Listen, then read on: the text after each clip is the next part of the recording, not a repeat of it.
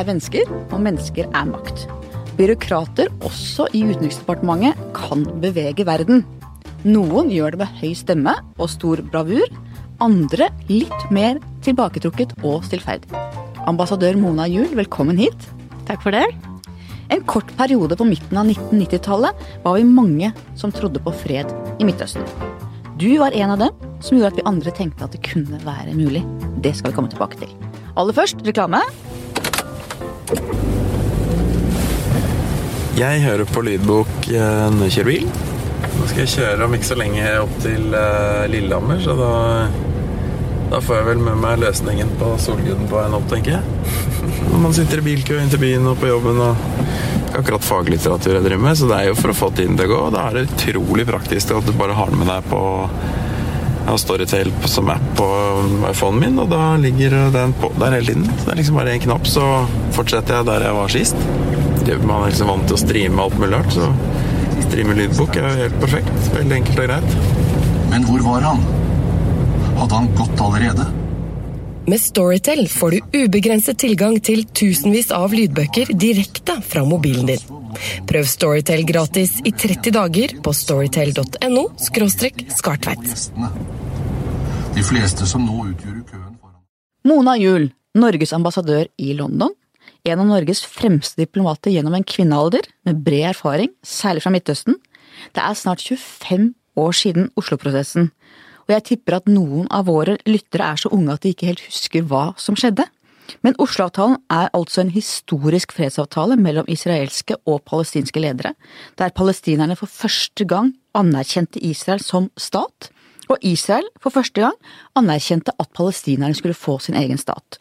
Du og ektemannen din, Terje Rød Larsen, var sentrale i denne prosessen, som lenge foregikk i dypeste hemmelighet i Oslo. Fortell. Ja, der er det mye å fortelle. Eh, det var jo en, en helt uh, unik uh, prosess uh, som, som egentlig på mange måter har vart og fortsetter i ulike former, kanskje helt frem til i dag, selv om det akkurat nå ikke er eh, noen, noen forhandlinger og, og, og, samtaler. Men de samme spørsmålene som vi var opptatt av å prøve å finne en løsning på den gang, for 25 år siden, de er jo de nøyaktig det samme. Og som du sier, eh, dette var et, et eh, et historisk gjennombrudd. Oslo-avtalen representerte, akkurat som du sier, den, den, første direkte både forhandlinger og da en avtale mellom Israel og PLO. Og det var historisk også i den forstand at det gjorde at eh, uh, palestinerne, og da PLO, som med Yasser Arafat i spissen, som inntil da hadde levd i eksil, kunne flytte tilbake, eh, og da i første omgang til Gaza, for så da å få et ganske så begrenset, men et selvstyre som skulle etter avtalen utvides stadig mer til til slutt å bli en egen stat. Nå vet vi at så skjedde ikke, men grunnlaget eh, ble absolutt lagt eh, den gang, og det la også grunnlaget for at Israel da kunne inngå en avtale, fredsavtale med Jordan, og veldig mye skjedde i forhold til å bygge opp en palestinsk et selvstyremyndighet som fortsatt eksisterer i dag, med mange begrensninger, og det er selvfølgelig en stor tragedie at vi ikke har kommet dit hvor Oslo-avtalen eh, pekte mot. Men jeg mener at, eh, at, vi fra norsk side, og det var ikke bare min ektemann og meg, vi var et veldig godt norsk team med modige utenriksministre, med Thorvald Stoltenberg, Johan Jørgen Holst og ikke minst en statssekretær i Jan Egeland, og vi var flere som bare tenkte her har vi en sjanse til å gi kanskje et lite bidrag. Eh, ingen hadde vel egentlig tro på at det skulle komme så langt som til å bli en, en, en avtale, men vi så en, en mulighet som ble, ble, grepet, og det er klart å få lov til å være del av en sånn eh, prosess, det er jo bare det største privilegiet man, man kan få i en, i en jobb. Sånn at eh, jeg er, eh, er, er, dypt takknemlig for at jeg fikk lov til å være med og, og, og bidra. Og, og, selv om mange har kritisert Oslo-avtalen, og det er mange som sier ja, men det skjedde jo ingenting, og det ble, en, det ble ikke noen, noen, noen, noen tostatsløsning, så mener jeg det er aldri galt å forsøke, og det å bringe parter sammen, det å få folk som står så fjernt fra hverandre, som Israel og PLO sto på det tidspunkt, tenkte jeg det var ulovlig for israelere å møte eh, PLO-representanter, det var straffbart. Eh, for PLO var det vel det største sviket å sette seg ned med erkefienden de luxe. Eh, men det gjorde de altså med et Og ut, utviste et voldsomt mot, som, som, jeg den dag i dag bare Jeg kan ikke helt forstå hvordan, hvordan de på en måte egentlig var så modige, for det er akkurat det motet som så til de grader mangler nå, tenker jeg. Tenker du at det viktigste som står igjen er den gjensidige anerkjennelsen?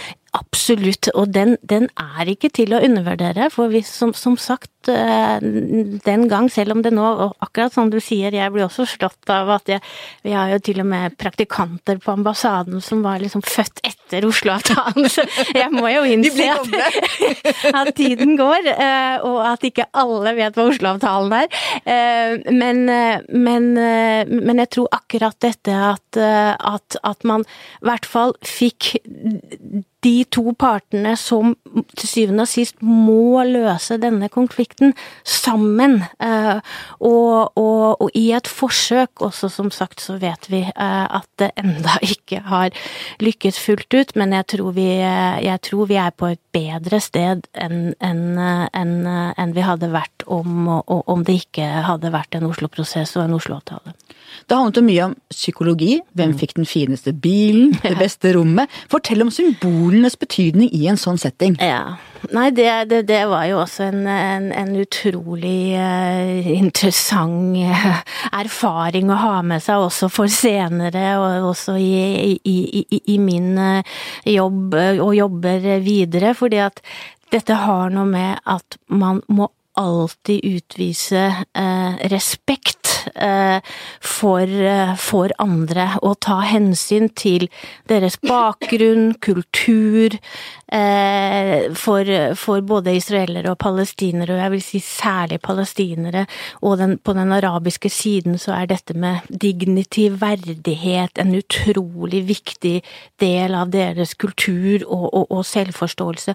Og behandler du ikke de med den respekt de mener de skal ha, så blir det lett eh, problemer, og særlig selvfølgelig når du er i en sånn tilretteleggerrolle som det vi hadde, og som Norge har hatt senere i mange, mange andre konflikter, så må du nettopp bevise at grunnen til at Norge har den rollen, og vi har den posisjonen til å kunne tilrettelegge mellom konflikterende parter, er nettopp at vi behandler begge parter likt. Vi har ingen bias i en eller annen retning. Vi kommer ikke med en forhistorie, vi har ikke egne interesser i forhold til den ene eller den andre siden, men vi gjør dette fordi at vi har tro på at det er mulig å bringe folk sammen, og vi har ressurser å kunne sette inn på å gjøre det. Og da blir detaljene viktige. Dere har fortalt at folk sjekka hadde de andre finere bil enn meg, det beste rommet. Det var mye sånne smådetaljer som plutselig fikk stor betydning. Ja, holdt på å si you can't believe it. Hva som plutselig ble viktig. Og så er det jo litt også sånn at eh, det som for oss var, ikke sant, vi, vi hadde jo forhandlinger på etter liksom norsk standard, utrolig fine herregårder rundt omkring, og, og men, men, det liksom Det var jo norsk standard, ikke sant, og med litt Det var ikke nødvendigvis eh, bad på alle rom, og det var eh, knirkete trappeganger, og det var mye sånn rustikt som, som, som vi setter enormt pris på. Men det er klart, komme fra helt andre kulturer, så er det ikke nødvendigvis at de ser det vakre i en uh, gammel, rusten kiste, liksom. Det er noe med at, uh, at uh, og, og, og, men, men sånn at Jeg tror de stusset litt over de stedene vi, vi, vi, vi, brakte de til. Det var ikke så mye marmor der? Det var ikke så mye marmor der, og det var ikke så mye, det var ikke så mye på en måte den type ting som de tenker på når de skal på en måte ut til utlandet og oppleve noe annet. Så, men, men, men, det var jo nettopp den som, som, de har sagt, både på israelsk og palestinsk side, det var på en måte det at det var så stille, så rolig, så fredfylt. De kunne på en måte puste, de kunne gå turer og, og, og snakke sammen. Det var på en måte Og jeg tror vi rundt de også på en måte hadde senkede skuldre, selv om det som foregikk inn i rommene var utrolig mye emosjoner og, og til tider ganske ja, høyrøstede og mye drama. Eh, sånn at men, men, det var noe med å skape den atmosfæren av, av ja, det litt kanskje det, det norske, da, som, som jeg tror gjorde inntrykk på de, og som gjorde at de også senket skuldrene en del. Og nå har dette blitt teaterforestilling på Broadway. Ja. Dette dramaet. Har du sett forestillingen? Jeg har sett den nå, ja. ja. Kjente du deg igjen? Ja da, det var mye som er gjenkjennelig, og, men, men, men, det er ikke, ikke, et historisk korrekt fremstilling av det som skjedde. Og er det et godt stykke? Er, jeg, som teaterstykke må jeg si det er et godt stykke. Det er for priser, Tony Awards, ja, og priser, utsolgt og Absolutt. populært. Så, så, så det det klarer, syns jeg, er at det, det fanger nettopp denne denne intensiteten, altså dette, dette, dette dramaet som det faktisk var, da, og hvor mye som sto på spill, ikke sant. Nettopp fordi at det var hemmelige forhandlinger, så var jo alle litt sånn veldig opptatt av at ikke dette skulle komme ut. De tok risiko på begge sider, og kanskje litt også på norsk side, så tok vi litt risiko i å drive med dette her. Eh, og, og, men, men, men, jeg tror at det at man Det at eh, akkurat den, den, stemningen og den, den, intensiteten. Så sånn sett så passer det egentlig litt til det teaterstykket, men de har jo klart å De har da klart å Det var nesten et år med forhandlinger som de har puttet inn i, det er faktisk nesten tre timer, da. Men, men, men, men publikum blir veldig fenget av det, og jeg syns det er veldig interessant å observere, og det tror jeg særlig i, i og grunnen til at det har blitt så populært, tror jeg, særlig i USA, tror jeg veldig mye at det, det det er et stykke som på en måte gir litt håp. Det viser at det er mulig å komme sammen og sette seg ned. Selv om man står på de ytterste mm, poler, så, så er det mulig, og veldig mye av det tror jeg er liksom noe som folk føler mangler litt i, i, i det amerikanske samfunn og politikk, og, og, og, i og, i verden, ja. Sånn at det er et stykke som gir litt håp, og folk er litt sugen på å, å, å oppleve og se det, tror jeg. Så det er nok noe, og derfor så tenker jeg at dette er ikke først og fremst et, et, et stykke som, som, er liksom viktig for, uh, for, å fremheve noen personer, eller, men, men, det er et Jeg tenker at et, et liksom stykke med, med, den type politisk innhold, det at det fenger så, så, så, så bra, det tenker jeg at det er, det er bra. Så du snakker om at den gjensidige anerkjennelsen var det viktigste, men veldig mye annet gikk jo gærent. Og allerede uh, i november 95 så ble jo Israels statsminister ja. Itzak Rabin skutt av mm. Ortodoks jøde. Mm. Uh, døde noe av Oslo-avtalen med ham? Jeg mener Oslo-avtalen døde da. Jeg mener det er hovedgrunn. Klart det er mange andre grunner, men Itzak Rabin var garantisten for Oslo-avtalen. Arbeiderpartipolitiker, hardliner. Ikke sant? Og han hadde på en måte en troverdighet og en, eh, en eh, Han var den, den, den politikeren på mange måter med jernhansken som hadde på en måte liksom holdt og, og nærmest uh, altså, ikke sant, Oslo-avtalen startet jo, eller den kom jo som en erkjennelse av, etter den første intifada, at man kan ikke knuse palestinernes fremtidshåp med vold. Og, og det innså Rabin på hvert fall på et tidspunkt, kanskje noe senere enn faktisk noen andre på israelsk side, og ikke minst Shimon Peres og Jossi Beilin og andre, de som, som, på en måte kanskje drev dette mest frem. Og de mest, mer softe gutta. Ikke sant, men de var på en måte ikke sant, de har ikke den samme troverdigheten. De var litt SV-ere på et vis. De var litt SV-ere, og jeg har den aller største respekt for, for, for Shimon Peres, men du så jo det øyeblikk han da tok over etter Itzhak Rabin, så så begynte det på en måte å, å, å gå litt i oppløsning fordi at du ikke hadde den, eh, den garantisten i, i en, en, en, en, politiker, arbeiderpartipolitiker med militær bakgrunn, en høy rang i, i, i, militæret, og som hadde vist at han kunne på en måte bruke vold, men kom til den erkjennelse at nå. Og det er jo interessant at mange har jo kritisert Oslo-avtalen for å være, ha en bias til fordel for Israel, og at palestinerne gjorde på en måte ja, eh, det var et eh, å, å, å, underlegge seg totalt et, et nærmest et israelsk diktat, men det var jo på israelsk side at motstanden var størst. Det var jo på israelsk side man følte at Oslo-avtalen var et, Eller på høyresiden da, i, i Israel, som følte at Oslo-avtalen var et svik mot, mot staten Israel, og, og da Rabin måtte bøte med sitt liv. Og, og derfra, og så kom, kom jo da etter, etter Og så tapte jo da Shimon Peres valget, så kom Netanyahu til makten og hadde jo da på en litt annen agenda eh, enn å Selv om det ble jo videre forhandlinger med palestinerne også under Netanyahu i den første perioden, men, eh, men, men, men helt klart dette med, med, Oslo var på en måte forbundet da med, med, med den andre siden i israelsk politikk, og ikke noe som man nødvendigvis da Netanyahu ønsket å, å være assosiert med. Så. Men det er interessant hvis du ser for at en mann som Arild Sharon, som mm. var høyresidens statsminister, mm. beinhard, var den som flyttet jødene ut fra Gazastripen. Ja. Og for han handlet det ikke om noe sånn peace and love, men det var rett og slett demografien. Mm. Det faktum at palestinere er flere og får mange flere barn enn jødene. Så at de må på et vis velge, dersom de fortsatt skal være et demokrati, så må de ha en tostatsløsning, ellers så blir palestinerne i flertall, og da taper de den jødiske staten. Det er jo rasjonale for de på høyresiden. Ikke sant. Og det er jo for så vidt også rasjonale, eh, tenker jeg fortsatt, for at tostatsløsningen for det første er den eneste løsningen, og jeg tror den fortsatt lever, og det er mulig, nettopp fordi at det er den eneste løsningen som gjør at Israel fortsatt er en jødisk stat. Mm. Og, og, enn så lenge så er det et stort flertall i Israel som ønsker det. Sånn at jeg har tro på at det fortsatt vil være mulig med, med, med en tostatsløsning.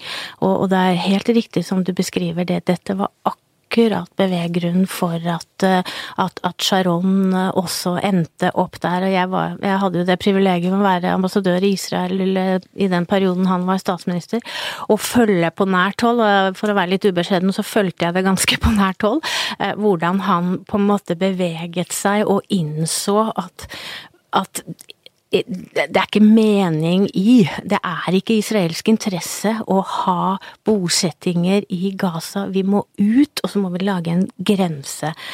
Og så stoppet det dessverre der, og så ble det gjort på en måte som ikke man burde i mye større grad ha samarbeidet med, med, med, med Arafat og den palestinske selvstyremyndigheten i måten det ble gjort på, sånn at palestinske myndigheter kunne få litt kred for det. Men det skjedde ikke, sånn at det var mye som Det var ikke alt som ble gjort riktig, men, men, men, men akkurat som du sier, altså tankegangen bak og filosofien var nettopp den. For man sier at de kan ikke få Israel kan ikke få alle tre. De kan ikke få både demokrati, jødisk stat og hele landet. Nei, nei. De må gi en av tingene. Ja, ja. Hvis vi skal fortsette å være jødisk stat innenfor hele Israel, mm. så kan det ikke være demokrati lenger. Nei. Så det er noen valg som de bare må ta. Da snakker vi realpolitikk og ikke romantikk. Det er akkurat det. Og jeg tror eh, nå så tror jeg man velger å utsette det, det, valget, og heller tenke at status quo er til å leve med. Og dermed så blir det ikke tatt noen beslutninger, eh, eller man er ikke interessert i å komme i en posisjon hvor man nettopp må ta det valget. Eller jeg tror i hvert fall at eh, det er ingen politisk leder, eh, i hvert fall ikke på på høyresiden i Israel som selv om de ser at det nødvendigvis må være sånn, så er det vel, og jeg tror også Netanyahu nøler med å gå ned i historien om den som, som tar det valget, for det, det, er klart det er et kompromiss sett fra israelsk ståsted, eh, men et helt nødvendig kompromiss. Noen sier at det politiske systemet på begge sider rett og slett ikke er bygget for en løsning. Den israelske valgordningen er slik at hver stemme teller like mye, mm. og det er ingen sperregrense og ikke noe styringstillegg til de store partiene, mm. sånn som vi har i Norge. Mm. Og derfor blir det en haug med småpartier, og mm. ingen som kan inngå en bindende avtale. Mens palestinerne på sin side har så mange sterke radikale krefter i sitt bakland at enhver leder som inngår en avtale, vil bli utfordret av noen som mener at de har gitt for mye. Mm. Er det et dekkende bilde av situasjonen, sånn som du ser det? Jeg syns det er et veldig dekkende bilde. Eh, fordi at eh, det i hvert fall jeg tenker nå, at vi har en, en situasjon hvor, man trenger egentlig ikke å sette seg ned og i langvarige forhandlinger og prøve å finne løsninger på de ulike spørsmålene. De ligger i skrivebordsskuffer og i, eh, i arkiver, og det er kart, og det er i alle de forsøkene som er blitt gjort etter Oslo-avtalen også. Det har vært mange, det har vært Camp David, det har vært mange forsøk både fra amerikansk, eller særlig fra amerikansk side, på nettopp å finne, og de løsningene de er der. Eh, det er snakk om å svoppe land, det er snakk om å finne en rettferdig løsning på flyktningspørsmålet, det er snakk om å finne en internasjonal løsning eller en løsning for Jerusalem. Alt dette ligger, er på papiret. Det som trengs, er politiske beslutninger. Mot. Og mot. Som, som jeg etter mitt skjønn nå mangler. Eh, på begge sider, tør jeg si. Nettopp fordi at de politiske konstellasjonene, akkurat som du beskriver det, er slik på begge sider at det umuliggjør dette vanskelige valget og det kompromisset som er nødvendig til for å inngå eh, en avtale. Har du fortsatt tro på en løsning? Ja, jeg har det. Nettopp av de grunner som, som, som, som vi, eh, eh, vi snakket, snakket, snakker om, men jeg tror det må, tror det må til kanskje noen, noen, noen andre ledere på, på begge Eller noen andre konstellasjoner, da, som gjør at du nettopp nettopp ikke får grupperinger som vil utfordre f.eks. nå da på palestinsk side det faktum at du har et eh, Fatah og et Hamas som er i eh, nærmest en krigstilstand, eh, du, og du har mange andre grupperinger, og til man kan si mye om, mye om, Arafat, men han hadde en evne til å klare, tross alt, å samle på en måte bevegelsen på en måte som, som, som, som Og jeg tror vi vil kanskje ha mye å, å, å, å, si på hans metoder for å kunne klare det, men, men, men, det var i hvert fall på en måte kanskje i større grad en palestinsk stemme. Nå er det, er det ikke det. og og, og, og, og, som du sier, å finne da den, den, konstellasjonen på israelsk side som gjør at du får et flertall i Knesset for en, en, en tostatsløsning, det, det, viser seg jo stadig vekk å ikke skje, da. Ja, Knesset, parlamentet i Israel. Mm, mm. Da jeg studerte Midtøsten på Johns Hopkins i Washington for noen år siden, så ventet jeg lenge på at vi skulle komme til det viktigste. Konflikten mellom israelere og palestinere. Og det tok tid. Og jeg skjønte da at det er andre ting som er vel så stort og alvorlig i den delen av verden. Er vi i Norge spesielt opptatt av Israel og palestinerne? Det tror jeg faktisk vi er. Og hva kommer det av, tror du? Ja, ja det, det, er et spørsmål mange, jeg har fått mange ganger også på bakgrunn av hvorfor på en måte Norge kom i den posisjonen til å kunne tilrettelegge for disse samtalene. Jeg tror det har, tror det har med, med, religion å gjøre. Jeg tror det har med, med, med vår liksom altså sterke tilknytning til, til, Jerusalem, Betlehem, vår kristne bakgrunn gjør at vi har et sterkt forhold, og et helt annet forhold til den del av verden enn mange andre steder. Jeg tror det har noe med at vi har, har en tradisjon med norske misjonærer, eh, en veldig sterk humanitær tradisjon, at vi vil ut og hjelpe. Det har gjort at mange har, har reist ut og fått den erfaringen og levd i områder, og da ikke minst også i Midtøsten, med en spesiell tilkretningskraft. Så har vi selvfølgelig FN eh, med, med, med, med FN-soldater og de fredsbevarende operasjonene, først i Gaza fra slutten av 50-tallet og fremover. Så i Libanon i eh, over 20 år var vi vel der. Det er klart at her er det utrolig mange nordmenn som har sett på nært hold og fått oppleve og har en egen erfaring med, med den, den, konflikten, som gjør at vi, vi får et ekstra sterkt engasjement. Og jeg vil si, og ikke uten grunn, en, en sterk sympati og kanskje da i utgangspunktet Historisk så var nok sympatien veldig mye på israelsk side, naturlig nok, etter holocaust, oppbyggingen, kibbutz-bevegelsen, alt det som er veldig positivt i, i, i på, på, på, på, den siden, på den israelske siden, så tror jeg vi også har blitt veldig opptatt av og har stor eh, sympati og medfølelse og solidaritet med det palestinske folk, som jeg tror alle det, det, det, er jo bare en selvfølgelighet at de også må få sin egen stat på et eller annet tidspunkt. Altså Det er på en måte ingen grunn til at de ikke skulle ha det. Og, og, og, og når man har sett på en måte den type, altså den lidelsen, og det er lidelse på begge sider, det, altså det er det ingen grunn til å ikke alltid si. Men det er klart at det er en litt sånn annen type. altså Jeg tror den der sterke solidariteten og den sterke medfølelsen med, med palestinerne, den, fordi at den er på en måte veldig sånn på det, på det daglige, og, og, og den, den, tror jeg er med på å gjøre at vi, vi nordmenn føler ekstra sterkt for den, den del av verden. Og så er det jo er det jo også sånn at Midtøsten er jo objektivt sett også et på en måte et, et, viktig strategisk område. Som får du på en måte ikke fred i den delen av verden, så har det så store ringvirkninger. Det ser vi jo nå i Europa ofte, dessverre. Det ser vi nå i Europa. Men vi snakker på hvordan vi ser konflikten fra norsk side. Jeg var nylig på eh, sommerstevnen til Evangeliesenteret, mm, okay. hvor det var mm. politisk debatt der med Sylvi Listhaug og Hareid og Martin mm. Kolberg og flere. Mm, mm. Og der var det jo svære plakater om Israel, ikke sant. De solgte mm. israelske smykker, israelske kremer, ikke sant. Det er en viktig del av det. Og så har du også Arbeiderpartiet, som da i Håkon Lie sin tid var virkelig veldig, veldig tett på på Israel. Mm. Det fortelles jo at uh, da seksdagerkrigen startet, så var han tilfeldigvis sammen med Golda Meir, som var mm. statsminister mm.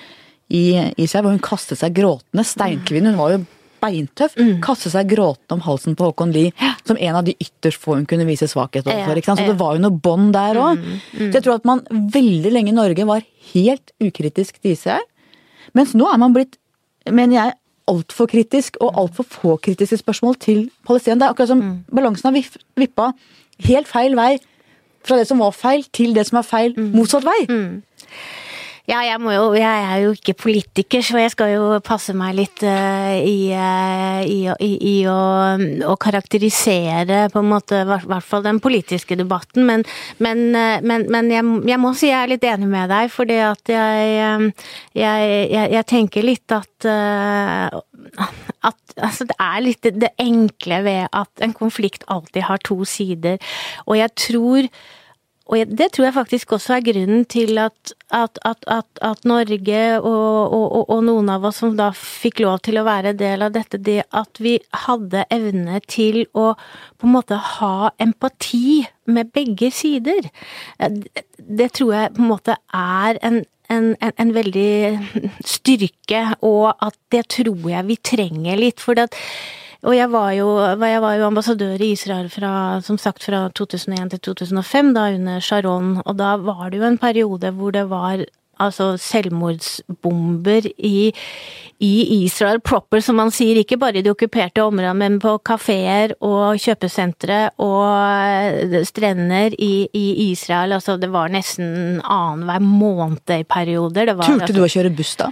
Ja, jeg kjørte ikke så mye buss, det gjorde jeg ikke, men, eh, men jeg har liksom vent meg til å ikke gå rundt og være redd. Det, det, det var jeg ikke. Men da hadde jeg jo mange samtaler med, med, med israelere, og også samtaler med, med, med nordmenn og besøkende og, og, og kolleger og alle, og, det, og da, da blir liksom litt den diskusjonen at vi kan jo på en måte ikke vi, vi, må forholde oss også til at da israelere føler dette som en, en, en, en, Altså er redde, føler det som en trussel. Og dette når det skjer, ikke da i de okkuperte områdene, men i liksom det som på en måte er liksom tross alt Israel, og de har rett til å være der. Når det sprenges bomber og sivile blir drept på kafeer i Tel Aviv. Eller med kniver nå, som har vært det siste året. Ikke sant. Så, så er det noe med at da kommer litt den, den, følelsen mange israelere har, at da har det ikke noe med vår politikk å gjøre, da er det på en måte vår, vår eksistens. Altså de ser på det som et eksistensielt spørsmål, og det kan vi være enige eller uenige i, men vi må i hvert fall ta inn over oss at slik oppleves det. Sånn at når, når man på israelsk side legger så stor vekt på dette med sikkerheten, så tenker jeg at vi, vi det, det, er basert på en erfaring som, som jeg tenker tenker at vi, vi må ta litt inn over oss. Og, og, og, og, da, og det er jo derfor vi sier også at, eh, at en tostatsløsning hvor Israel kan leve innenfor sikre grenser, og, og, palestinerne får sin egen stat. Og også av den grunn så tenker jeg at tostatsløsningen er den eneste mulige. Jeg ser jeg har skrevet flere ganger at både israelerne og palestinerne har en rettmessig frykt, og at de begge har gjort store feil. Mm. Og jeg definerer meg egentlig som en venn av begge, men jeg mm. lurer på om det egentlig er mulig i dagens klima? Ja, altså igjen så tenker jeg at Altså, jeg, og igjen, jeg skal ikke det, det, er, det er utfordrende i perioder, men jeg mener det er mulig. Og jeg mener at jeg klarer det. og, og, og, og, har gjort det eh, siden, siden, vi startet opp, eller siden jeg på en måte kom også som Jeg hadde jo Kairo som første stasjon som, som diplomat, og var jo totalt Altså, jeg Det, det skal alle Midtøsten-eksperter ha. Altså, jeg er Vi var i hvert fall i utgangspunktet ingen Midtøsten-ekspert. Vi, vi, var glade amatører, flere av oss, når, når jeg kom der, men, men nettopp ved på måte å leve der og se og oppleve og ta del i på en måte både litt den, ja, den israelske frykten og den palestinske undertrykkelsen, og se alt dette på nært hold, gjør jo at jeg tenker at det er mulig å, og ha et balansert syn, og, og, og, se at her er det to, to sider som, som må, må, komme frem til, til felles løsninger, som, som, og hvor det er mulig å sette seg inn i den andres uh, ja, lidelser og frykt og så, så, så, jeg tenker at det er, det er mulig, og jeg, jeg, i hvert fall sånn i, i forhold til å ha og både i samtaler og i, i, Når du treffer eh, representanter for, for begge sider, så, så, så, mener jeg det er eh, ja, det, det, er mulig å ha den, den, samtalen og si, og det gjelder også på israelsk side, at uh, det er mulig å kritisere Israel og israelsk politikk nedenfor og hjem, tenker jeg. For det, det, er veldig mye som man kan være uenig i. Men, men, men, men jeg har i hvert fall tenkt at det er greit, men, man trenger ikke da å stille på en måte spørsmålstegn ved hele på en måte den israelske statens eksistens. Mm. og det er jo det også israelere Altså, de tåler kritikk, og jeg De kritiserer jo hverandre de, kontinuerlig. De gjør det, og, og, og også når jeg, når, når jeg, har tjenestegjort uh, der, jeg har vært oppe i utenriksministeriet, jeg har tatt opp saker, jeg har sagt at dette Men jeg har Dette er bare uakseptabelt, sånn kan dere ikke gjøre. Men samtidig, ofte, og det, i hvert fall når jeg var der som ambassadør, så startet jeg jo ofte samtalen med, for da det hadde jo faktisk skjedd et eller annet, og uttrykte dyp kondolanse, stor sympati og medfølelse med, med de, de, grusomme terrorangrepene som, uh, som fant sted. Og, og, og, da tror jeg på en måte da Hvis du gjør det, så starter du ut med på en måte altså, De ser også at du, du, du, du er en som, som, skjønner litt deres situasjon, og så kan du på en måte gå i gang med kritikken. Vi tåler jo alle mer kritikk fra vennene våre enn fra de vi tror ikke liker oss. Absolutt. I hvert fall jeg sånn. Ja, og det tenker jeg er Norges styrke i forhold til Israel, for der mener jeg vi er også sånn i, i Ja, sånn, Norges rolle er akkurat det. Ja. Men det er nå sterke bevegelser i gang i Norge og internasjonalt for å boikotte Israel økonomisk, kunstnerisk og akademisk. Hva tenker du om det? Ja, nei, der er jeg vel uh, av de som mener at uh, boikott ikke nødvendigvis er, uh, er, den riktige veien å gå, nettopp fordi at vi snakker om et samfunn hvor det er mulig å ha en dialog og prøve å influere og snakke, og det er så mange krefter i det israelske samfunn som ønsker akkurat det samme som oss, holdt jeg på å si, og som er så like oss, og som vil så gjerne og, og, heller da på en måte komme og, og ha en vise norsk eh, teater eller ha konsert å bringe igjen, altså bringe folk sammen. Og det vi jo også har gjort veldig mye på eh, fra norsk side, ikke minst etter Oslo-avtalen, var jo dette såkalt people to people-programmet, hvor vi nettopp hadde det som målsetting å heller liksom sånn, altså ikke boikott, men også bringe israelere og Palestina, altså vanlige folk sammen, altså på alle mulige områder, alle ulike yrkesgrupperinger. Og det vi opplevde da, var jo at når de kom sammen, så hadde de jo så mye felles. De hadde så mye å snakke om. Det var så mye de var enige om. Og, og, og det derre liksom Det da å kutte kontakt, det, det, det, har jeg ikke så mye tro på. Jeg har tro på heller mer kontakt enn en mindre. Vi har hatt mange skarpe ledere i verdens gang mot boikottbevegelsen. Ja, det er eh, helt ko-ko, for å si det Virkelig en dårlig løsning. Mm. Israel er jo det eneste demokratiet i regionen, og israelere sier ofte at vi ikke forstår fordi vi lever i et helt annet nabolag enn dem, med Sverige som nabo, ikke Syria og mm. Libanon. Har de et poeng? Mm.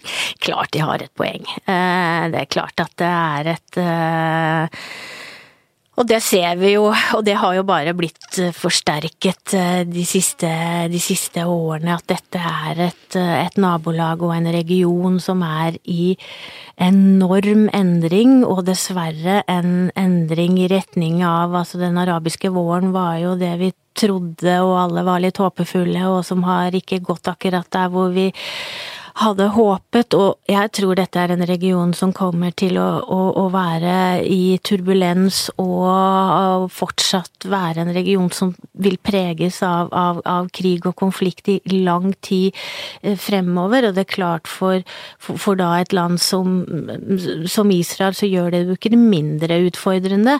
Men jeg tenker jo også at det kunne jo kanskje også være en, en, en mulighetens tid også for, eh, for Israel og vi ser vel kanskje noen sånne tendenser til at, eh, at det er også en del ting på gang i forhold til forholdet mellom Israel og en del av det man kaller da de moderate arabiske landene, og at dette kanskje åpner opp for noe nye. Og det er jo, det er jo en fredsavtale med Egypt, det er en fredsavtale med Jordan, og vi vet at det er noen kontakter som også i forhold til en del av de gulflandene og sånn. Så kanskje er det Kanskje kan det skapes noen nye nye allianser også, som, som kan åpne opp for, eh, for, for, for, noe som forhåpentligvis går i, i, i riktig retning, men, eh, men, at det er et eh, et nabolag som er utfordrende, det er det jo ikke noe tvil om.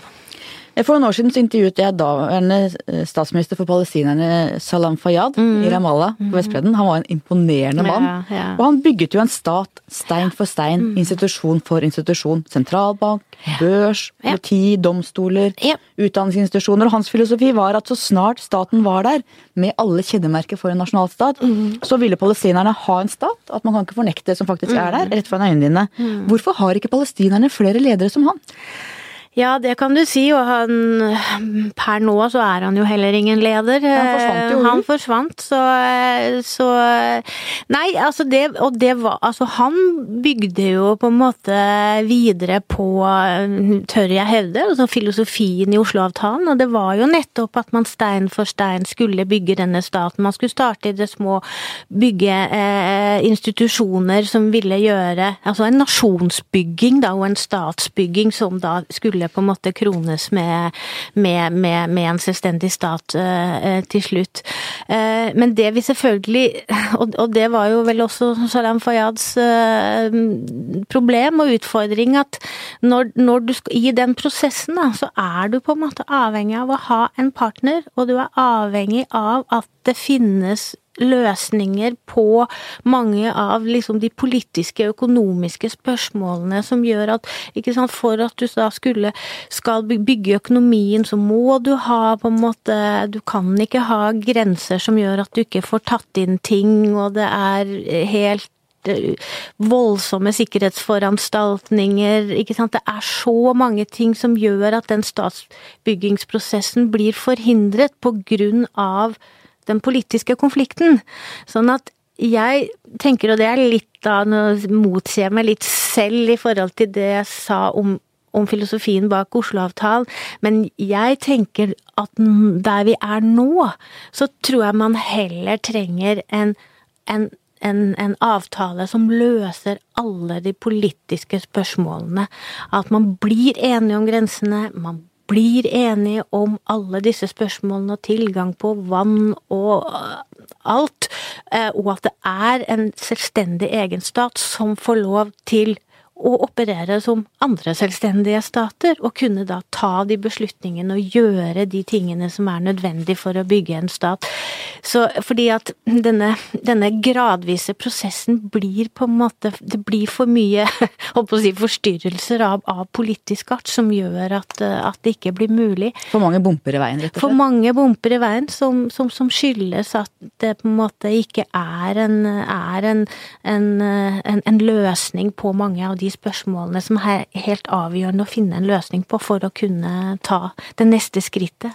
Mange snakker om når det gjelder hele Midtøsten, Irak, Syria, om imperialismen. Mm. Om britene og franskmennene som har ødelagt alt. Men, men, det har jo alltid vært imperialisme før. Det var ottomanerne, var mongolene, mm. perserne, mm. romerne. Hvor mye kan menneskene i Midtøsten skylde på historien, og hvor mye må de selv ta ansvar for den situasjonen som er der? Ja, ja nei, det, det er Jeg tror det er uh, jeg ja, altså, historie er alltid viktig, og, og all den det, det, det, denne regionen har gått gjennom, det er klart det betyr veldig, veldig mye.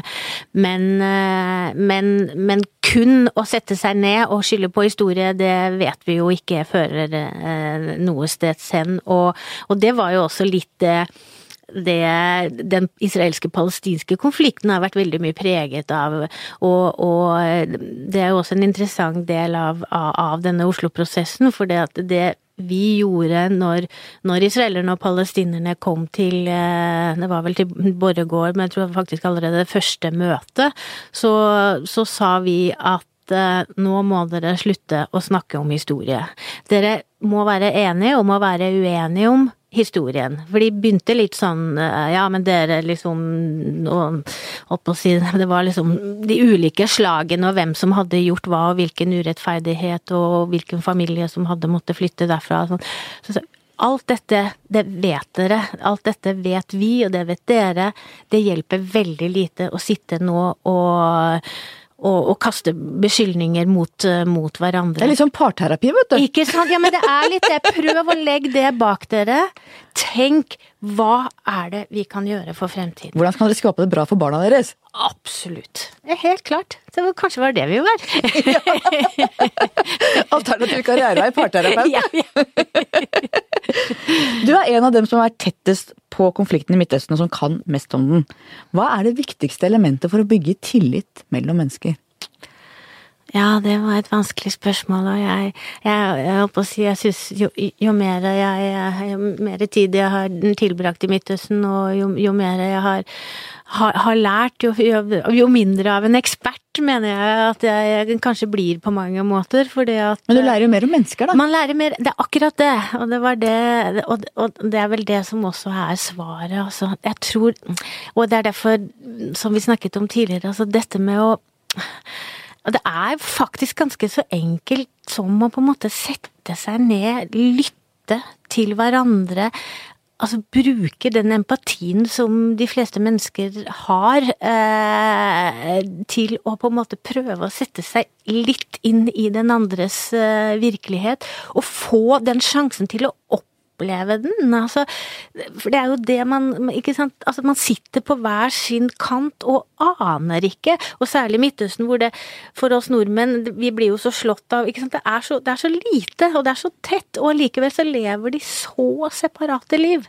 Og, og, og, og det at du det, og, og derfor så blir det så utrolig viktig at de kan komme sammen og se Ja, men ja, men han, han, tenker jo faktisk sånn som meg. Vi har samme sans for humor.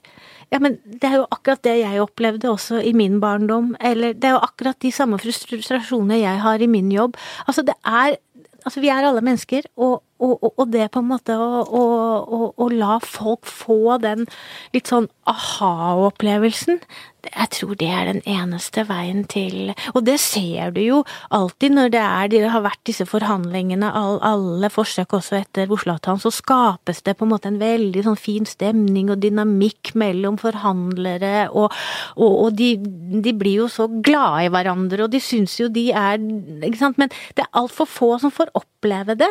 Sånn det ansikt til ansikt, ikke sant? Ansikt til ansikt. Det er mennesker det handler om. Og hva, du lærte mye om mennesker. Hva lærte du om deg selv? Ja, det er kanskje enda vanskeligere å svare på. Um, nei, jeg jeg, jeg, jeg jeg, har vel kanskje i hvert fall kommet til den erkjennelse at, at det å det å Jeg har kanskje følt meg litt sånn i Midtøsten-kontekst, og kanskje litt sånn underlegen i forhold til at jeg ikke nødvendigvis liksom, I hvert fall utgangspunktet var noen sånn stor ekspert eller kunne så veldig mye, og jeg må ærlig innrømme at jeg er ikke så veldig god på historie, og jeg kan ikke alt om hva som Og ikke lærte jeg meg arabisk, og ikke lærte jeg meg hebraisk, eh, eh, men, men, men, men det jeg på en måte føler at, at litt den derre evnen til å til å lytte, og være litt, litt ydmyk. Og være litt åpen for at ja, kanskje det er sånn det henger sammen. Ja, kanskje det ikke mine litt sånn tro, eller det jeg hadde med meg fra som å være liksom en norsk eh, diplomat, da, i, i, mitt tilfelle. Kanskje, kanskje ikke helt verden er akkurat sånn. Og, og, og jeg tror litt, litt, den åpenheten, den, den, tror jeg har i hvert fall eh, gjort at jeg, jeg, jeg tror det har vært en, en god ting, og, og at, eh, at, kanskje noen ganger så kan du virke som du da blir litt, litt vag, eller ikke er klar nok, eller Men jeg tenker at uh, kanskje heller det, i hvert fall i en sånn setting. Og så er det klart i andre deler av den jobben man skal gjøre, så må man på en måte ja, være litt Ja, for du har en forsiktig fremtoning, men er likevel direkte og tydelig, og det fikk verden se da det ble lekket et notat som du som nestkommanderende ved den norske FN-delegasjonen i New York hadde skrevet om daværende generalsekretær Ban Ki-moon. Du skrev annet at han strevde med å vise lederskap, hadde raseriutbrudd og markerte seg ikke i viktige saker som miljø og fattigdom. Og det betydde jo trøbbel for deg at notatet ble kjent. Men det var befriende lesning, og det fortalte i hvert fall meg om et modig menneske med integritet og ansvarsfølelse. Hvordan opplevde du den situasjonen? Ja, det, det, Jeg får helt frysninger når du, når du, minner meg om det, for det, det, var ikke noe Det var ikke kjekt, det. Ja, det skjønner jeg. Og, fordi at uh, dette er jo den Dette er jo sånn vi Det er mulig Nei, faktisk. Det, det, er, det, er, det som er litt jobben vår. Uh, vi, er, uh, vi er ute der for å observere og rapportere hjem om det som foregår. og jeg hadde også skrevet eh, notater om, eh, om, eh, om Kofi Annan, og, og, men det var selvfølgelig det var selvfølgelig veldig mye, mye oppmerksomhet knyttet til liksom, den første tiden av Ban Ki-moons Og liksom hvordan han ville fikse den jobben. Og det var jo viktig. Og det var viktig, og det var etterspurt, og jeg, jeg mener at jeg, at jeg skrev en, en, en, ærlig og oppriktig rapport som var basert på, på, på samtaler i, i, miljøet. Det var en veldig gjengs oppfatning at sånn var det. Eh, så kan det hende at jeg var noe friskere i, i men, men, men ja, som sagt, jeg hadde skrevet lignende rapporter om, om, andre ting, og det er på en måte Og jeg vet, og det var også politisk ledelse, som vi sier i UD på den tid, med Jonas Gahr Støre-prisen, eh, ville gjerne ha den type rapporter. Eh, og, så jeg følte at jeg eh, på en måte bare gjorde jobben min, men det er klart, de passer ikke i avisene, denne type rapportering. Så, men jeg syns det var litt godt å vite at det faktisk er så åpne rapporter ja, men det er i godt systemet. Å høre det, eh, men det skapte jo store problemer for meg eh, i, eh, etterpå. Og det var jo Ja, det var, det, det var skikkelig vanskelig, fordi at uh, jeg hadde jo på en måte klart å på en måte etablere liksom et, et, et litt Altså, jeg kjente Jeg ble litt kjent med Ban Ki-moon, og og, og, og, mannen min jobbet jo for han. Uh, og vi hadde vært på middager i residensen der, og, og det er klart Og det, det, Han sa det ikke direkte til meg, men han sa jo til sine nærmeste medarbeidere at han følte jo dette som et Han trodde jeg var en venn, og han følte følte dette som et voldsomt svik. Og det er klart, det er ikke noe hyggelig når du skal, er ute der for å gjøre en jobb og få høre at generalsekretæren eh, Han var oppriktig eh, lei seg og sint og ja. Mm. Så det var ikke så hyggelig. Nei, det skjønner jeg. Så da måtte jeg bare tenke at ok, jeg har ikke gjort noe galt, jeg har gjort jobben min. Det ja, for var, det hadde du jo. Ja, det var det at det kom i avisen som var, eh, var feil. Men i hvert fall sett utenfra så tenker jeg at eh, det er godt å vite at det er den type direkte meldinger i UD-systemet. For det er ikke alltid det ser sånn ut Nei. utenfra. Nei. Så det var jo den gode tingen som kom ut av det. Det er noe bra det, det i hvert fall. Vi må snakke mer om deg. Du er vel et av de mer beskjedne menneskene som faktisk har beveget verden. En av dem som godt kunne drive med litt mer selvskryt. Er du sjenert, eller bare litt sky? Jeg vet ikke om jeg helt forstår forskjellen på det, men jeg er nok det. Altså. Jeg er, og jeg merker jeg, jeg Alt som har med Det kan jo bli litt sånn kokett, og jeg mener ikke at jeg er falsk beskjeden, men, men det er noe Jeg er liksom en jeg er en vanlig jente fra Trøndelag som, som er blitt vant med å bli oppdratt opp at du skal liksom ikke liksom Eh, sette deg selv i, i fokus. Og jeg, og jeg trives Nei, jeg, og jeg trives ikke på en måte med noe sånn uh, man kan si mye om meg, men noe sånn, jeg har ingen narsissistiske trekk, i hvert fall. Fortell om oppveksten din i Sparbu i Trøndelag. Ja. Nei, jeg hadde en fantastisk fin oppvekst på meieriet. På ja, Dere bodde over meieriet? Vi bodde på meieriet, ja. Faren din var meieribestyrer? Faren min var meieribestyrer, og en hjemmeværende mor, i hvert fall alle de årene. Vi var jo seks barn, så hun hadde mer enn nok med det. Og vi eh, Jeg vokste opp i en veldig sånn god, tradisjonell eh, norsk eh, Senterpartifamilie, faktisk. Hvor far var i kommunestyret og på idrettsplassen og var liksom en av eh, lokalsamfunnets støtter, absolutt. Og, og, jeg hadde en utrolig eh, fin og nesten vil si harmonisk oppvekst. Men derfor er det litt rart at jeg havnet der hvor jeg har Kanskje det er derfor? Kanskje det er derfor. Ja, på en måte, da.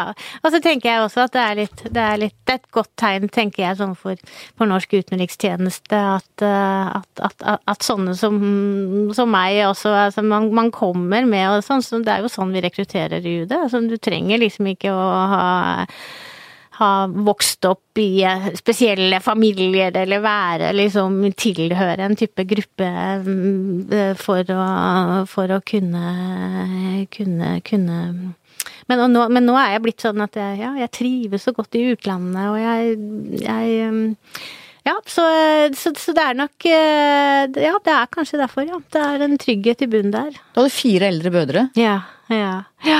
Og du var liksom fiolinspillende praktbarn, speider, veldig Ja. skikkelig. De var kanskje ikke så skikkelige? Nei, de var litt eh, Men jeg og, og, Men samtidig så hadde jo da mine foreldre fått brynt seg på alle disse gutta, så når jeg vokste opp, så, så var de eh, så Jeg ble vel litt sånn eh, Altså, jeg, jeg opplevde De sier jo at jeg fikk lov til mye mer enn det de fikk, men da hadde de vel på en måte gitt litt opp. Men samtidig så var det Altså, jeg var veldig lite i opposisjon, og jeg Ja, nei, jeg eh, det, det var en uh, utrolig hva Jeg tenker altså, vi er så privilegerte i dette landet, tenkte jeg å vokse opp sånn, da.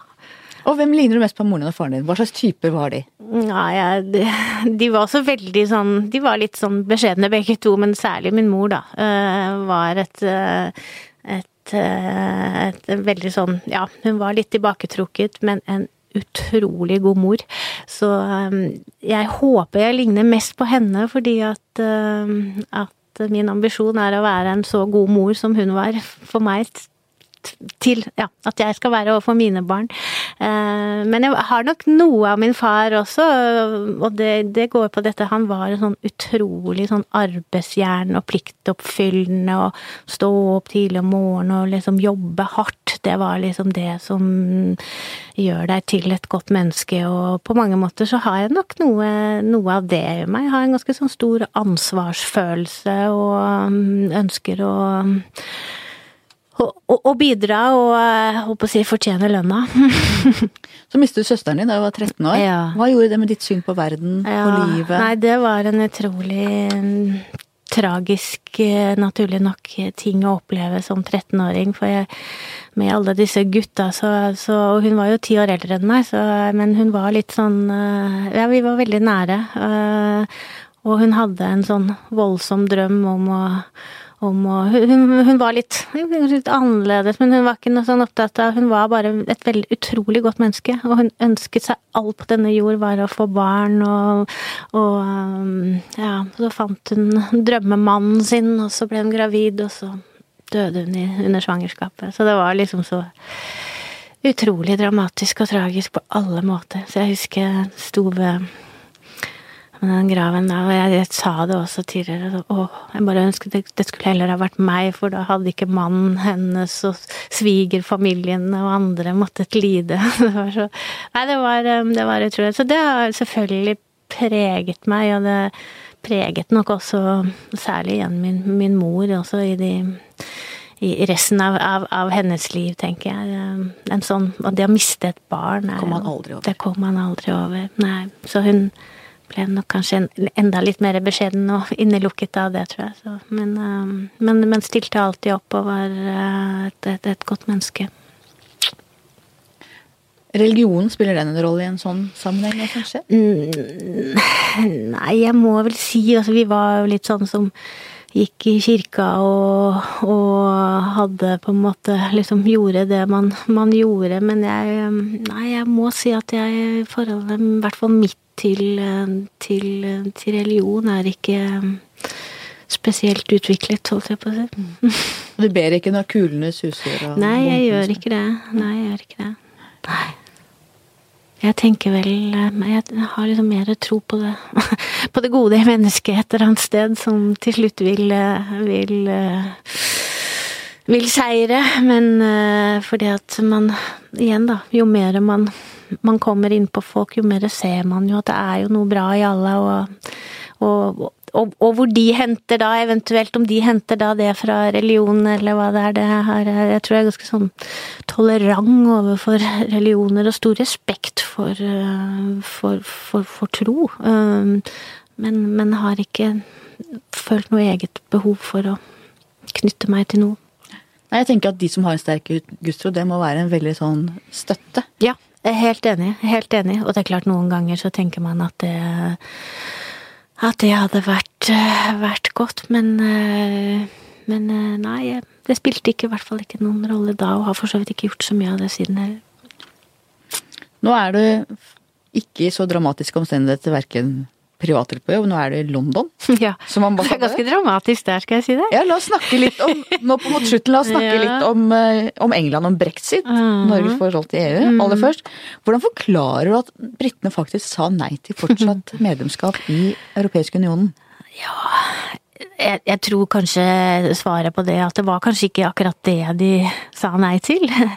De, eh, jeg tror mange stemte nei fordi at de var, eh, var misfornøyd med regjeringen, de var frustrerte.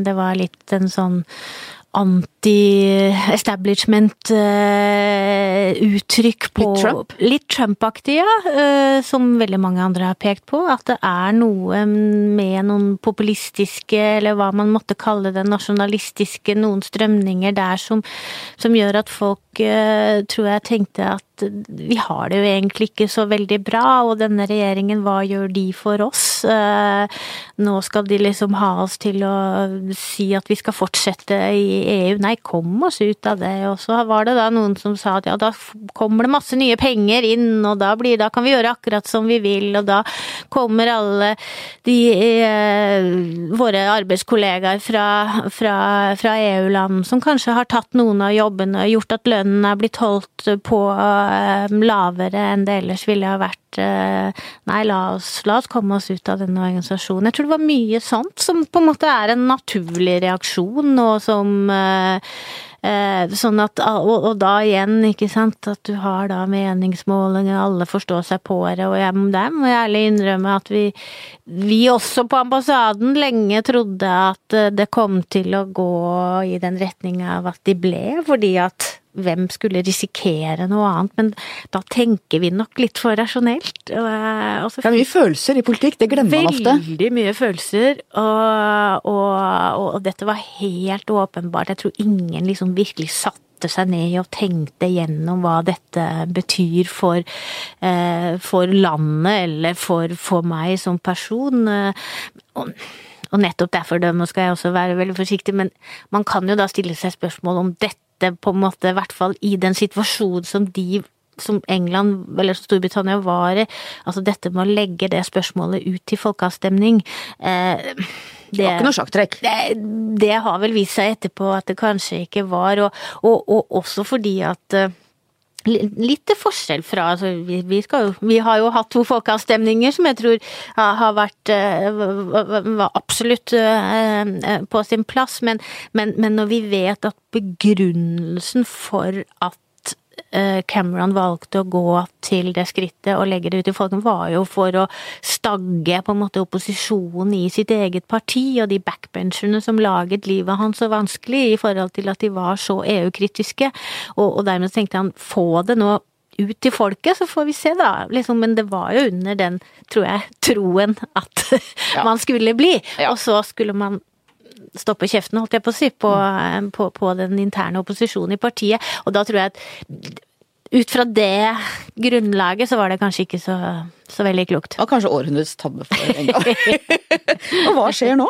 Ser du for deg at britene får en form for EØS-løsning etter hvert? eller? Ja, det er, det er Der går Der bølger diskusjonen atskillig eh, frem og tilbake fortsatt og kommer til å gjøre det. Altså det er, det er et veldig splittet og polarisert eh, britisk eh, samfunn også om dagen, nettopp fordi at at selv om alle sier ja, vi må respektere folkeavstemningsresultatet, det tror jeg alle er enige i, men nå er jo da spørsmål hva, hva, hva ble sagt i den avstemningen? Er det sånn at da ble det sagt at vi skal liksom, eller at Storbritannia skal ut av alt. Eh, altså indre marked, eh, eh, tollunion, eh, domstolen, liksom. Eller sier man at ja, vi går ut av EU, men vi, kan, vi vil gjerne på en måte beholde på en måte forholdet til det indre marked og alle de andre tingene. Domstolen er helt klart at de ønsker seg um, ut av.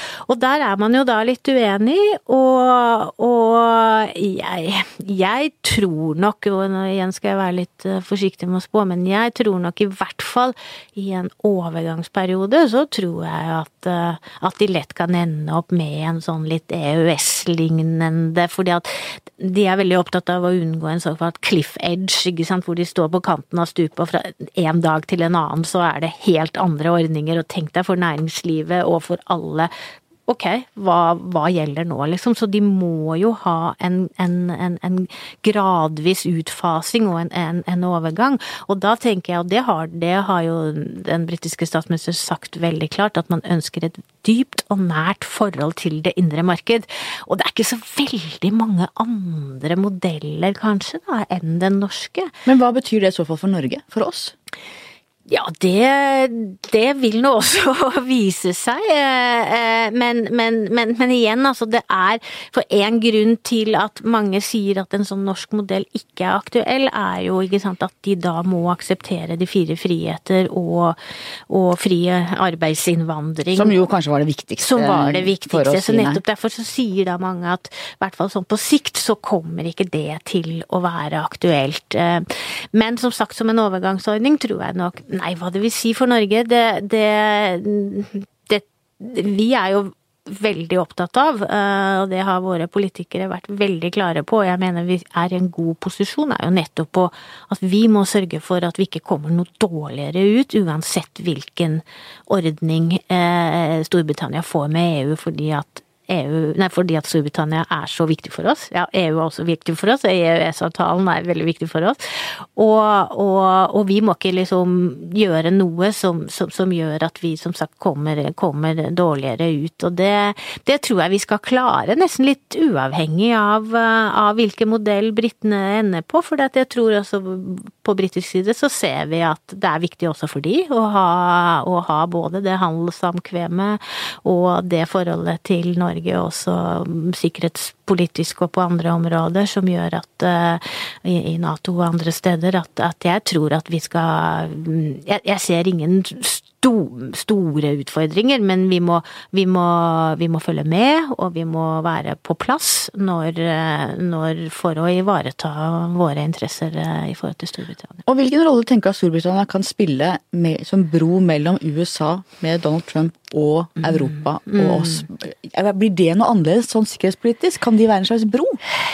Ja, det er nok veldig mye ambisjon, i hvert fall, på britisk side. Og, og, men akkurat nå så har de vel vært mest opptatt av å sikre dette såkalte special relationship mellom, mellom Storbritannia og, og, og, USA. Og Therese May, statsministeren, var den første som kom på offisielt besøk til Donald Trump. Det var en stor triumf for dem. Det var det, og det var, de mener fortsatt at det var veldig viktig, eh, nettopp for å sementere det, det, det, det nære forholdet. Og det er klart at det er for Storbritannia nå da kanskje enda viktigere når de da går ut av EU, å ha dette nære forholdet. Og den britiske handelsminister Liam Fox har jo nå de siste dagene vært i, vært i USA for å forberede da frihandelsavtaler og ikke starte forhandlinger enda, for det gjør man ikke, men, men, men forberede det. Så det er klart at, at de vil nok kanskje i første omgang eh, være mest opptatt av å sikre den relasjonen, men så er det klart at Klarer de det, som det mye tyder på, så får vi nå se hva som skjer i, i USA, så er det klart at Storbritannia, ikke minst da i Nato, uh, vil kunne ha den type rolle, og er selvfølgelig et viktig,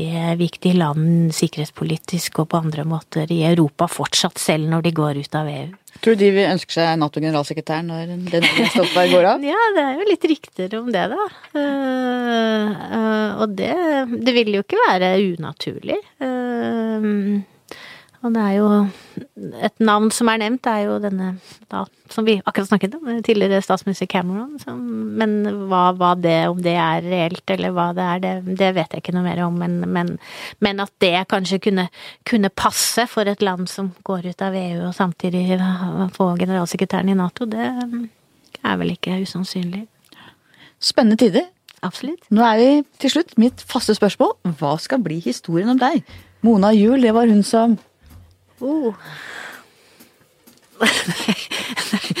Nå holdt jeg på å si som var en god mor. jo, men det er ikke noe dårlig legacy, det. Nei, det er ikke det. Jeg lurer på det. Ja, som var en god mor. Ja. Det var fint. Mm. Tusen takk for at du kom. Takk for det. Takk til vår faste produsent Magne Antonsen, og takk til deg som hørte på. Vi høres igjen neste uke.